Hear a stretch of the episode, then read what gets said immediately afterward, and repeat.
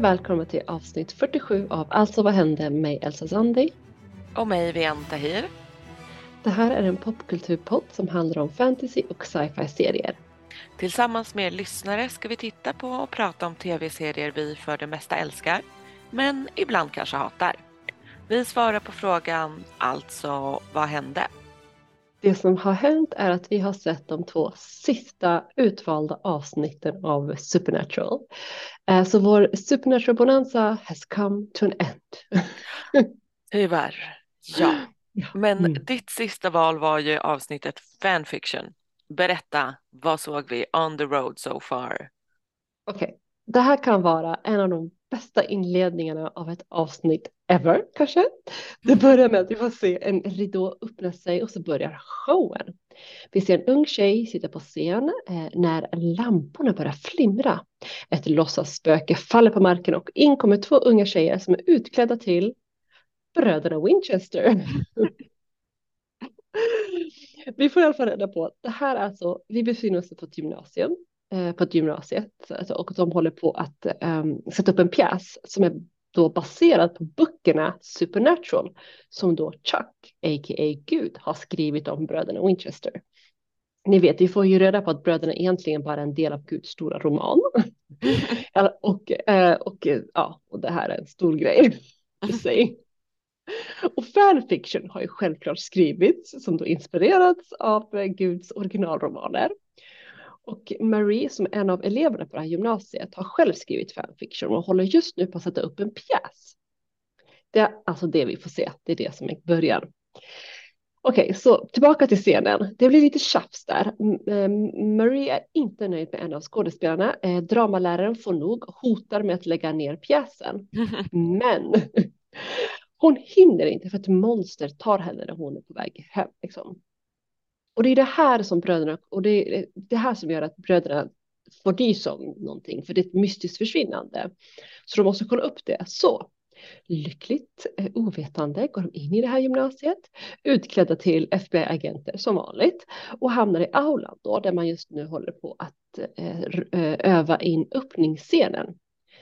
En dean står och sjunger om brödernas origin story. Alltså det här är så bra. Om hur Sam bebisen Sam och ett monster kommer och dödar deras mamma. Alltså det hela den här scenen. Brödernas miner är priceless. Okej, okay. stuff and things happen, mycket roliga stuff and things. Uh, för Dean är till exempel inte alls glad över det här sjungandet, även om han diggar med lite på slutet. han gillar inte alls de sexuella undertexterna och är helt allmänt till Dean. Hilarious. I alla fall, det visar sig att eh, det är en rollfigur i den här pjäsen, en fågelskrämma ur eh, Maries verk som kidnappar folk. För att eh, han vill att pjäsen ska fortsätta. Och i alla fall med lite research får de reda på att det till och med inte är hon, det är Calliope, a.k.a. episka poesins gudinna som ligger bakom alltihop. Okej, okay, det är hon, det är en sån där. Hon mm. vill se författarens verk bli förverkligad för att sedan kunna äta upp författaren. Det är kortfattat. Jag vet inte, det är kortfattat, jag hoppas det hänger med i alla fall. Nu måste de döda Calliope. Calliope, Calliope, guden. Då bestämmer bröderna sig för att showen måste gå on, så som sagt, för de vill ju rädda författaren, stackars Marie. De står där backstage, håller koll, så den här fågelskrämman eller någon kommer fram, eh, gudin, gudinnan, eh, whatever. Bröderna tillsammans med Marie och andra besegrar det här onda. Och avsnittet slutar med en grym grym, grym bra akustisk cover av Carry On Wayward Son som kidsen sjunger då och bröderna åker iväg i Baby onto the sunset eller något. The end. Tack. En mästerverkssummering av ett väldigt avancerat avsnitt. Så vad tyckte du om ditt val? Alltså jag älskar det lika mycket om inte mer. Nu, när jag har sett, nu när man har sett hela serien så vet man ju så mycket mer. Så då betyder det rätt mycket att man får se början så här i teaterform. Jag blev lite tårögd när gymnasieeleven, han som skulle, eller hon som skulle spela Dean stod på scenen, scenen och sjöng och hur allt började. Det var fan fint. Vad tyckte du? Alltså jag tyckte det var så kul avsnitt. Eh, som du säger, nu när man har sett allt så var det nästan ännu roligare. För man plockade ännu mer upp på alla så här små, små, små hints. Eh, och sen så var det ju extremt meta, vilket jag älskar. Ja, jag älskar också Meta. Hela gud-grejen att han har skrivit in dem. All fanfiction som har typ uppstått. Alltså jag älskar verkligen allt med den här storylinen. Uh, men har du några favoritscener? Det fanns så många golden moments. Men, men har du någon favorit? Alltså jag har så många egentligen. Men en favoritsång för mig var i alla fall A Single Man Tear, du vet. Ja, den var fantastisk. Många låtar var faktiskt fantastiska om jag ska få stryka in där. ja, men alltså lyricsen till den, för den handlar ju om Dean och de sjunger så här bla bla bla, single man tear slips down his face, bla bla bla, that's all the emotion he shows, he buries his feelings och så vidare. Och det är så on point, den där klassiska tropen med hårda män som bara kan gråta en enda liten droppe. Alltså det är nästan som att den är skriven bara just för Supernatural. Exakt, det är precis det den är. Det är en Supernatural the Musical Original Song. Nej, så bra! Men jag älskar, alltså igen jag sa ju tidigare, men jag älskar den här versionen av Wayward Son. Alltså wow, var inte det fint? Var den inte fin? Den var superfin. Den var super, superfin. Men hade du några så här andra favoritscener, danser, karaktärer, specialeffekter? Alltså det är sjukt svårt. Det är verkligen, för det finns som sagt, jag vet inte hur många golden moments, men jag gillar faktiskt hela Deans resa igenom det här. jag älskar hans miner, hans repliker, hans everything. Och sen att han först är helt chockad över det här och lite stött till att liksom älska och digga med. Jag menar, bröderna stannar ju kvar till att hela pjäsen är klar. Det behöver de inte göra. Och det trodde jag inte de skulle göra först när, när, man, när de insåg vad pjäsen handlade om. Så jag är väldigt så här, ja, ah, men du vet, Deans alla shenanigans, det var min favorit, okej? Okay? Alltså Jensen Ackles minspel är ju 10 av 10 comedy gold faktiskt. Mm, ja. Och också hans muttrande som ändras till motvillig uppskattning. Liksom. Jag, jag älskar det. Ja, otroligt kul. Han är, han är verkligen on point. Uh, men fanns det något du inte gillade förresten? Well, det är ju ändå Supernatural som är vår original serie vi älskar men ibland kanske hatar. Mm. Så of course att det finns någonting. Jag älskar som sagt så här hela metagrejen och självironin. Men jag är också lite kluven till den ibland. Mm. Och eh, som det här med till exempel A Single Man Tear låten och hur de driver med så här, hur Dean är skriven som en hård stoisk man som bara gråter en enda tår och hur han personifierar den machotropen liksom. De håller på att driva mm. med det. Men det är liksom så här, guys, you're the one who wrote it. Ni skrev det här själva. Alltså det är absolut kul när man driver om sig själva, men om de tycker att den här grejen med a single man tear och hårda stoiska män som bara kan gråta en ynka droppe eh, är fånigt, vilket mm. det låter som av låten att döma. Varför fortsätter de att skriva honom så? You did ja. it yourself. Hänger du med på vad jag menar? Ja, absolut. Jag tänker att de gör det för att plisa oss tittare. Att de liksom samtidigt som de har skapat Dean så har fansen gillat annat hos honom som författarna inte har räknat med. Förstår du? Ja, alltså så är det nog generellt med en massa av deras metagrejer, att de mm. är för att plisa publiken men inte riktigt behöva committa till det. Mm. Också, alltså hela metagrejen är ju en trygghet för dem, alltså författarna. Det är ett sätt att utforska saker i serien som man kanske inte hade vågat eller ens vill göra i the original story. Så därför är jag också, jag håller med dig, jag är också lite kluven till hela meta, för det ger ju författarna en, ja, en ursäkt att go bananas och sen bara, nej, ska jag bara, bara en rolig grej som vi gjorde, inte på riktigt hörni, men förstår du vad jag menar? typ så kanske. Ja, men definitivt en sån grej. Och biggest case in point är ju då Destiel som dyker upp här. Mm, hela Destiel-grejen var fuck, alltså det sjukt provocerande. Extremt provocerande, för här medger de ju loud and cloud, loud and clear att de vet om den chippen. Mm. Eh, men jag tycker att jag kanske ska eh, förklara chippen först.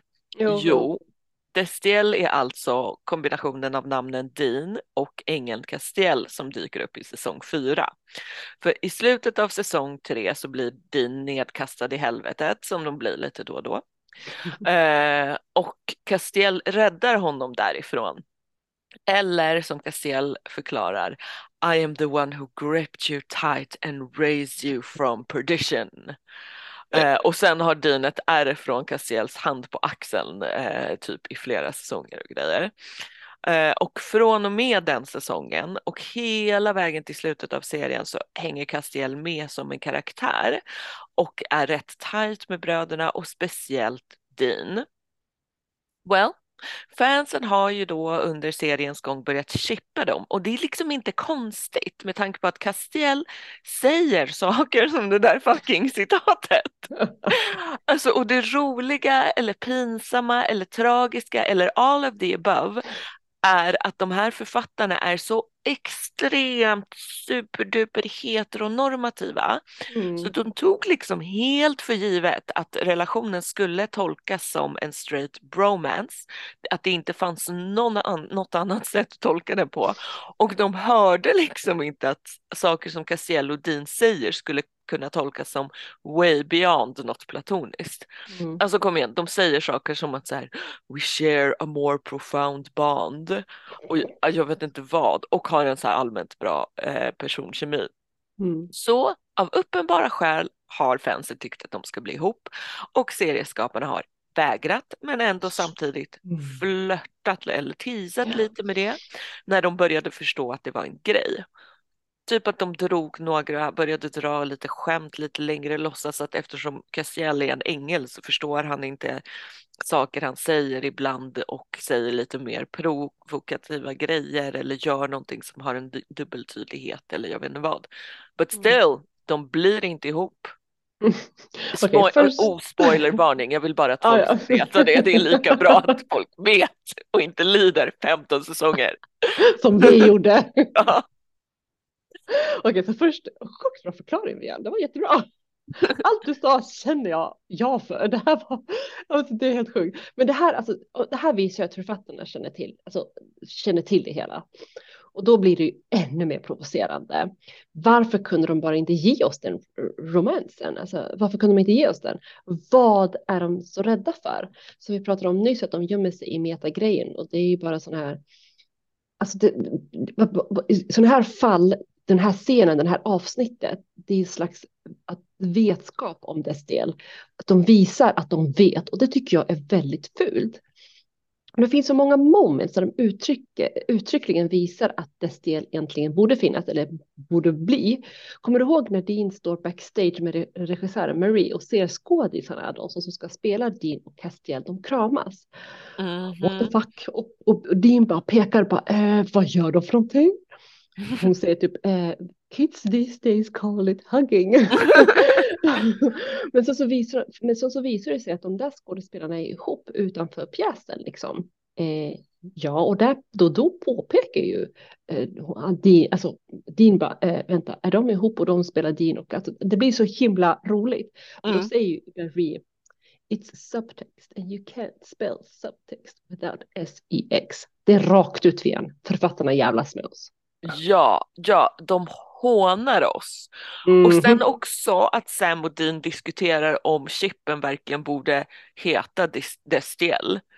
Alltså, eller om det ska heta Dean Kaz, Kaz Dean, jag vet inte liksom. Men like you guys know what you're doing. Alltså ni mm. vet, vet, vet om att det finns. Och det är bortom frustrerande at this point. Mm. Det är helt enkelt good old fashioned basic ass tröttsam queerbaiting. Mm. Eh, och överlag Destiel queerbaitingen är nog det som är min största issue med serien överlag. Så jag började bara mjuta ut det när jag kollade för jag bara jag kan inte, I'm not watching this. Jag är i mitt happy place. Helt rätt. Vi, I vår värld Det finns Destiel and it's happening. Dags för ditt avsnitt igen. Nu. Vi tittar ju på lite tecknat. för du valde avsnittet Scooby Natural. Berätta om the role so far please. Du kan väl Just give it to us. sure thing. Avsnittet börjar med att Sam och Dean har en massiv fight med en gigantisk uppstoppad dinosaurie i en pantbank. De vinner of course. Eh, man kan ju hoppas, det är ändå en stor gigantisk uppstoppad dinosaurie. Eh, de eldar upp den här dinosaurien och som tack låter ägaren dem välja vad de vill i pantbanken och Dean som det geni han är, bless you Dean, väljer en TV. De tar hem den och Dean gör det enda rimliga och det är att göra um, om ett rum tillägnat till TVn som han presenterar för Sam och så ska de liksom provköra TVn så han klickar på den men de söker sig in i den. Rum och in, i, in the TV they go. Och all of a sudden så sitter jag där första gången jag kollade på den och bara kollar jag på tecknat. What the actual fuck? Sam och Dean och deras bil har då blivit tvådimensionella tecknade figurer. Eh, och de är lika chockade som vi är över det här. Eh, men de bestämmer sig för att vi, vi sätter oss i bilen och kör och försöker reda ut vad som pågår. Så de stannar vid ett fik och när Dean parkerar upptäcker han att bilen han ställt sig bredvid är The Mystery Machine. Alltså Scooby and the Gangs teambil. För de har nämligen blivit insugna i ett avsnitt från den tecknade serien och lo and behold, inne på fiket så hänger det legendariska Scooby Gang. Och Dean är fullt förståeligt hype för att han verkligen älskar Scooby-Doo. Same Dean, same. Mm.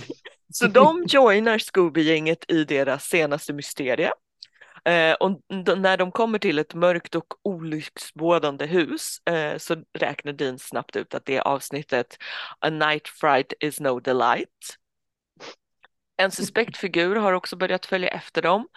Eh, men de fångar in den och det visar sig vara Castiel som också hade blivit indragen i tvn och också joinar in i mysterielösandet. Det är bara det mm. att i den här omgången så är det ett riktigt spöke, alltså supernatural riktigt spöke och inte som det brukar vara i Scooby-Doo en ond skurk som klätt ut sig till spöke för att skrämma folk och håva in pengar. Så det blir way blodigare än vad Scooby-gänget är vana vid. Folk dör, det är liksom blod och likdelar och grejer som hänger. Eh, men Scooby-gänget och framförallt Velma insisterar på att det inte finns några spöken och allt är bara diverse tricks. Men oavsett så ska de lösa situationen. De börjar gå runt och utforska huset och så börjar alla klassiska tecknade Scooby-Doo shenanigans. Typ klassikern när Scooby blir rädd och hoppar upp i Shaggys famn men det lämna, levlar upp i den här omgången för att Shaggy hoppar sen upp i Castiels famn dessutom. Eller att de springer runt och, i, i en korridor ut och in genom en massa dörrar. Eller att de smyger fram och så vänder sig den ena om efter den andra och så vänder den sista sig om och då är spöket precis bakom dem. Eller um, ja, att de springer in i varandra och ramlar som så här bowlingkäglor. Um, så alla klassiska cartoon moments. De genomför också en klassisk eh, Fred-plan och sätter upp en fälla för att fånga in spöke. Och på klassiskt Scooby-Doo-sätt så misslyckas den, så fel person ramlar, en av dem ramlar i fällan. Det ingår också. Men plan B funkar på riktigt, funkar. De fångar in spöket och det visar sig vara en ung pojke som används av en så här girig fastighetsutvecklare i den verkliga världen för att skrämma bort butiksägare så att den här fastighetsgubben kan köpa upp hela området. Så då är det dags för dem att komma tillbaka till IRL för att reda ut IRL-problemet. Men Dean vill inte lämna stackarna i Scooby-gänget i en fullkomlig existentiell kris där de får reda på att spöken finns på riktigt och allt de eh, trott på är fel. Så alla håller verkligen på att bryta ihop. Så därför så ber de spöket om hjälp eh, att lura Scooby-gänget att tro att eh, det inte alls var ett spöke ändå, utan det var en mänsklig skurk. Och så spökpojken förvandlas till Cosgood Creeps som var skurken i det riktiga avsnittet. Liksom. Och så säger de bara så här, kolla allt var fejk, det fanns inga spöke, det var tricks allihopa, det var inga likdelar, det var corn syrup och i den riktiga världen får de brottslingen gripen för skatteflykt och han fäller den episkt klassiskt klassiska kommentaren I would have gotten away with it if it wasn't for those meddling kids. Mm. Så fantastiskt bra. Tack för den. Tack, tack. Hur känns det att ha sett den igen liksom? Alltså du är ju ett Disney-fan deluxe. Eh, meanwhile så växte jag upp med Hanna-Barbera-serier. Typ Flintstones, Smurfarna, älskade The Jetsons och of course Scooby-Doo. Så jag var nog minst lika hype som din när jag såg Mr. Machine. Mm. Och eh, eftersom jag kollat på Scooby-Doo förmodligen lika mycket som din så kände jag igen rösterna och tecknarstilen direkt och insåg att så här oh my fucking god, det är for real Scooby-Doo. Mm. Alltså det Scooby-Doo. Så jag, jag dog då. Jag dog då och jag garvade minst lika mycket den här gången också. Det är så många skitroliga detaljer. Okay, first of all, oh my god, Flintstones, the Jetsons, classic. uh, men alltså, det var helt fantastiskt att hoppa in i riktiga Scooby-Doo. Inget fake utan actual och jag respekterar det av Supernatural att de går all in. Första gången tror jag att jag hoppade upp och ner av lycka mm -hmm. för det mhm. är så bra och oväntat. Alltså det är bara Supernatural som kan get away with sådana här saker alltså. Ja men alltså det är det som är grejen, att det var the real thing. Mm. Eh, och backstoryn till det här är faktiskt inte så komplicerad, även om det är rätt episkt. Eh, men det hela förenklades rätt mycket av att Warner Bros ägde rättigheterna till båda serierna. Och så var det någon eh, som kände någon på animationssidan som hörde av sig till serieskaparna och bara Supernatural-serieskaparna och bara varför inte göra en crossover med Scooby-Doo? And the rest is history. Alltså, alltså geni. Den som såg den här crossovern i sitt huvud, geni. Jag skulle vilja vara med på det här mötet när de föreslog det här. Alltså kan du tänka dig? Men alltså, det känns som ett vanligt måndagsmöte i Supernatural med tanke på allt de gjort. Det är så rätt. Åh, oh, the funs de måste ha. De har så sjukt kul backstage. Men alltså det som är så kul också, att, det verkligen, att de verkligen blandar de här två serierna som utåt sett är väldigt olika men funkar jättebra tillsammans. Alltså grejen som höll ihop det känner jag är Dean 100 procent. Ja. Alltså hans karaktär eh, och hur han kände inför Scooby-Doo och älskade det liksom. Och sen också Ackles performance av det mm. i serien. Det, det passade perfekt, det var det som kept it together. Oh, älskade din, det är därför han är min favorit. Men du som är stort fan av Scooby, har du några favoritmoments i det här avsnittet då? Alltså det är en massa sådana där random Scooby-grejer jag tycker är sjukt roliga. Um, men min bästa både den här gången och förra gången. Det är där, du vet när de springer eh, fram och tillbaka och Scooby-Doo temalåten spelas. Mm. Hela så här Scooby-Doo, where are you? Eh, och så springer de fram och tillbaka mellan olika dörrar hit och dit och plötsligt i en sekund så sprang till och med Scrappy förbi som, som egentligen inte är med i det här avsnittet men de petade in honom ändå. Jag blev Åh. så glad när jag såg honom. Eller of course hela repliken I would have gotten away with it. Och sen så zoomar kameran in på Dean som bara Scooby-Doo. Och att sen Sam kollar på honom och bara what the fuck håller du på med? Och Dean bara men det är så man gör. Och det är så man gör Dean.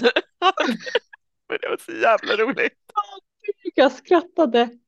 Och, åh, älskade Dean alltså. Men du då, vad i allt det här roliga gillade du bäst? Åh shit. Sjukt svårt faktiskt. För jag älskade hela konceptet verkligen.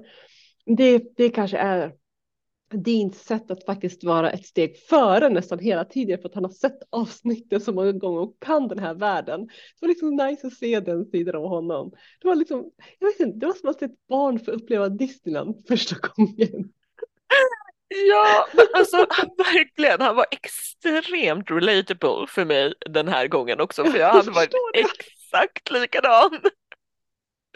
Men alltså det är ju liksom, jag älskar att det är Dean, han som ska vara machomannen, the ladies man, som älskar tecknat och ser upp till dem. Men alltså samtidigt också sjukt sorgligt igen, hear me out. För först skrattar man ju åt Dean för att han gillar tecknat, men sen när man läser lite mellan raderna så blir det rätt mörkt. För medan deras pappa gick och jagade demoner och monster fick ju pojkarna vara i hotellrummet eller motellrummet till och med och ta hand om varandra. Och det enda trösten som Dean hade var Scooby-Doo, något han kunde identifiera sig med och känna sig trygg för. Och som vuxen är han fortfarande något, så, så är Scooby-Doo fortfarande något för honom att känna sig trygg och glad för, förstår du? Mm. Då får ju Scooby-Doo helt plötsligt en helt annan innebörd. En liksom, det blir en ljuspunkt hos en pojke vars pappa är otroligt frånvarande. Där han får ta ansvar för sig, för sig själv och sin lillebror. Jag vet inte, då blir det inte liksom... Då blir det inte lika kul att Dean är så besatt av Scooby-Doo längre. Wow, way to ruin the fun Elsa. Det där var fucking dark. Alltså, där satt jag och bara doo-doo-doo, where are you? Got some work to do now. Och garvade. Medan du bara, en förlorad barndom. Okej, sorry not sorry. För jag har inte fel. Men grejen är ju att jag reagerade inte på det första gången jag såg det. Utan då var det bara. Och så kanske är det också för att jag, alltså vi har ju sett det allra första avsnittet ganska nyligen, så det är först i, i minnet så vi såg ju, det var inte så länge sedan, så det kanske är det, du hela hans barndom, hur allt det här började, det kanske är det som gjorde att jag kopplade till det. Men jag Ja. har inte fel, Vian. Nej, nej, du har inte fel. Och sen blir det ju också så när det liksom i kombination med eh, fanfiction också. För att Mm. eh, som du pratade om där så, så sjöng de ju om deras barndom där också. Mm. Eh, så du har inte fel. Eh, men jag hade också glömt krocken mellan så här, eh, Supernatural och Scooby-Doo som uppstod också hur Scooby-gänget bara var så här super innocent och bara jinkers jeepers medan Sam och Dean bara fuck! och sen det här också med att så här, de är så oskyldiga så att de inte riktigt reagerar när de ser blod för de är vana vid att allt är fake. Mm. Eh, så de bara oj oj hoppsan hoppsan och sen när det går upp för dem att spöken finns på riktigt och att blodet är på riktigt och allt så får de så här en total identitetskris och bara bryter ihop. Fred står och dunkar huvudet i ett träd. Åh. Velma bara, som ska vara the smart one, vet, bara, jag vet ingenting om världen, jag, jag är helt dum. Och, Daph, och Daphne, Daphne är nästan jobbigast för hon bara, finns det för himmel och helvete? Am I going to hell? Alltså det var roligt, men också lite skärrande samtidigt att så här, se figurer från barndomen ha en sån existentiell kris. Det är inte, så ska det inte vara. Jag skrattar men det är fan lite hemskt att få reda på allt sånt här på det här sättet också. Men samtidigt så är det bra gjort för hela Scooby går ju ut på att det alltid är en människa bakom allt det där. Så det är klart att en sån här scen när de typ får en existentiell kris ska finnas om ändå är rätt hårt att se. Stackarna. Men, men tack och gud för bröderna som fixar det här till slut i alla fall. Ja, verkligen. They fix them liksom. Ja, men det här med att ens barn, men med barndom och innocence loss och allt och hur mm. din funkade i det universumet. Vissa grejer var verkligen klockrena. Typ mm. det här med att han kunde göra en jättestor macka, precis som Scooby Shaggy brukar, så här, som att man viker ihop dem som ett korthus eh, och sen peta in den i munnen. Det var skitkul. Ja, oh, just det. Det är en bra throwback till avsnittet uh, Changing Channel som vi såg. Uh, där Sam kommer in och Dean har gjort en jättemack och båda bara You need a bigger mouth, I need a bigger mouth. Och här han det. Så en barndomsgrej går i alla fall uppfylld Ja, och det blir ju också en koppling till Heroes Journey som kommer några säsonger senare där hans kropp verkligen inte alls pallar allting han äter. Ja, bra throwbacks alltså helt enkelt. Ja, ja men det här med innocence loss då och barndomsgrejer och så.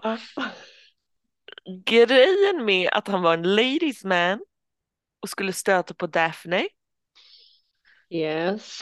Jag kände bara, mm -hmm. jo, alltså det översattes, det, det funkade verkligen inte i tecknat. Mm -hmm. Det blev så sleazy, alltså riktigt sleazy. Mm. Ja, det, det, det är bara fel. Vi har ju inte sett så mycket av hans Ladiesman sida på länge och att den kom fram här kändes bara så sjukt fel som du säger, men också opassande. Extremt opassande. Det är ändå barnprogramsfigurer. Ja! De tog det för långt. Och jag håller med. Och, och sen då, Velma, som var så, det, det, med hela, det kändes också fel. Hon är ju så jag vet inte, hon har ju liksom inte lagt åt det hållet att hon ska typ kära ner sig i någon på det sättet. Hon är ju såklart min favorit, så jag tog det här lite hårt, men det var också så här, äh, vänta, vem är du? Ja, ja, alltså grejen med att Velma stötte på äh, Sam menar du?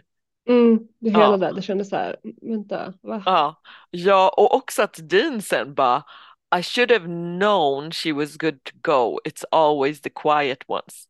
Like what?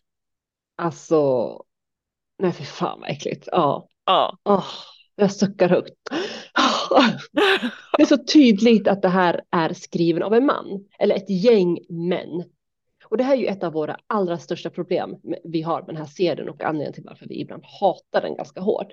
Det är så sjukt tydligt att det är ett gäng snubbar som har skrivit och skapat den här. Det är så sjukt tydligt. Ja, och i det här, alltså med det här just den här grejen så är det verkligen ett gäng gubbslem. Ja, ja. Oh, men det är ju inte supernatural om vi inte ska ha något att hata I guess. men de var så nära perfektion i det här avsnittet. So close, men ändå inte. So close, so close alltså. Men jag tänkte på, också på en grej, eh, apropå Cassiel som vi pratade om innan. Det är ju typ första eh, av våra avsnitt som han faktiskt är med. Vi, han har ju inte varit det i de andra avsnitten vi haft som exempel, stackarn. Men jag gillade verkligen kombon med honom, Scooby och Shaggy, de var roliga. Ja, ja, jättebra trio, jättebra team. Han passar in perfekt här, jag håller med. Ja.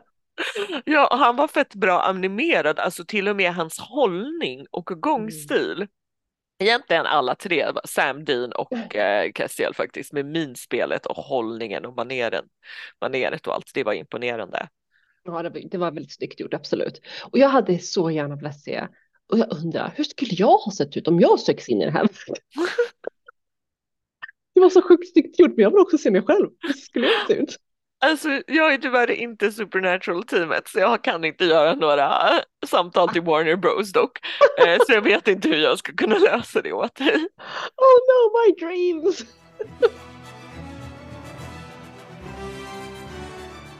Well, Elsa, nu är både året och vår säsong nästan slut. Oh my god, ja, det har gått fort. Vi har sett mycket bra och eh, ja, en del dåliga saker också.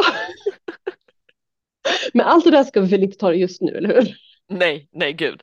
Vi eh, får eh, summera och ventilera allt i ett helt eget avsnitt faktiskt, nästa avsnitt. Det låter jättebra, för vi har en massa att summera och ventilera. Jag behöver utrymme. Vilken blir säsongens bästa serie? Vad har vi ens kollat på den här säsongen egentligen? Hur skulle ni summera er tv-höst? Berätta för oss på Instagram, Facebook och Twitter där vi självklart heter att Alltså vad hände? Du har lyssnat på Alltså vad hände med mig, Vian Tahir. Och mig, Elsa Zandi. Vi hörs nästa fredag när vi syr ihop säsong 3.